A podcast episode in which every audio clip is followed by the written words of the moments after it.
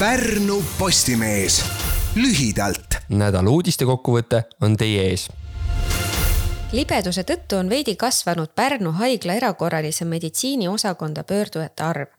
eelmisel nädalal jõudis päevas Pärnu haigla EMO-sse keskmiselt seitsekümmend kolm inimest. nädal varem oli see number kuuskümmend viis. libedaga kukkudes saadi peamiselt jala, käe ja peatraumasid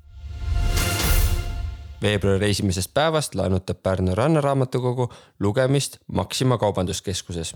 raamatute tahtjaid leidus juba siis, kui alles koliti, kuid sel ajal ei olnud võimalik ühtegi teost välja anda.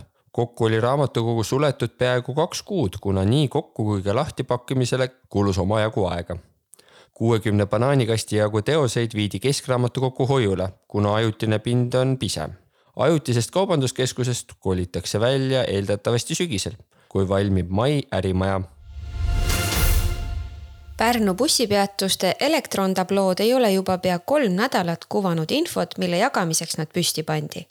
tabloode rikete põhjus peitub küberrünnakutes, mis suunatud pileti ja infosüsteemide toimimist tagava aktsiaseltsi Ridango vastu rünnakute tõrjeks on kasutatud nüüdisaegseid lahendusi, vanemat tüüpi tabloode töö on aga seetõttu takistatud. Ridango loodab siiski tablood tööle saada lähinädalatel. Eesti naiste jalgpallikoondis saja kolmes kohtumises esindanud Kristiina Pannikova riputab putsad varna karjääri alustas Pärnus sündinud Pannikova Tartu tammekas kahe tuhande kolmeteistkümnendast aastast alates, kui ta tõmbas esmakordselt selga koondise vormi, tuli ta mängima tagasi kodulinna, kus mängis Pärnu jalgpalliklubis viis hooaega. ühel hooajal pani ta end proovile Itaalia tugevuselt kolmandas liigas, Napoli klubis, kuid naases siiski tagasi kodulinna. viimased kaks koduklubi olid Pannikoval Pärnu jalgpalliklubi Vaprus ja Saku Sporting Pannikova teenis kahe tuhande kahekümnendal aastal ajaloo esimese Annika, millega tunnustab Eesti Jalgpalliajakirjanike Klubi naistekoondise aasta ilusaimat väravat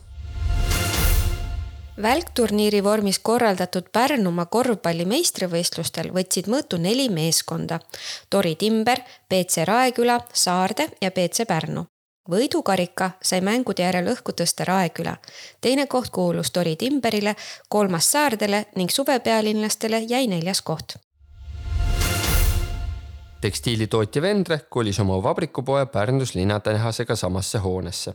ja nüüd saavad selle külastajad oma silmaga näha, kuidas ettevõttes käib tekkide tootmine. poe kolimise põhjus peitub muudatustes ettevõttes. Rääma tootmiskompleksis, kus varem asus esinduspoodki, kolib ära voodite ja madratsite tootmine. kant muutub paari lähiaastaga hoopis elamu ja ärikvartaliks lühiuudised valisid välja ja lugesid ette Kristo Niglas ja Siiri Erala Pärnu Postimehest. kõiki uudiseid saate pikemalt lugeda meie veebilehelt. Pärnu Postimees lühidalt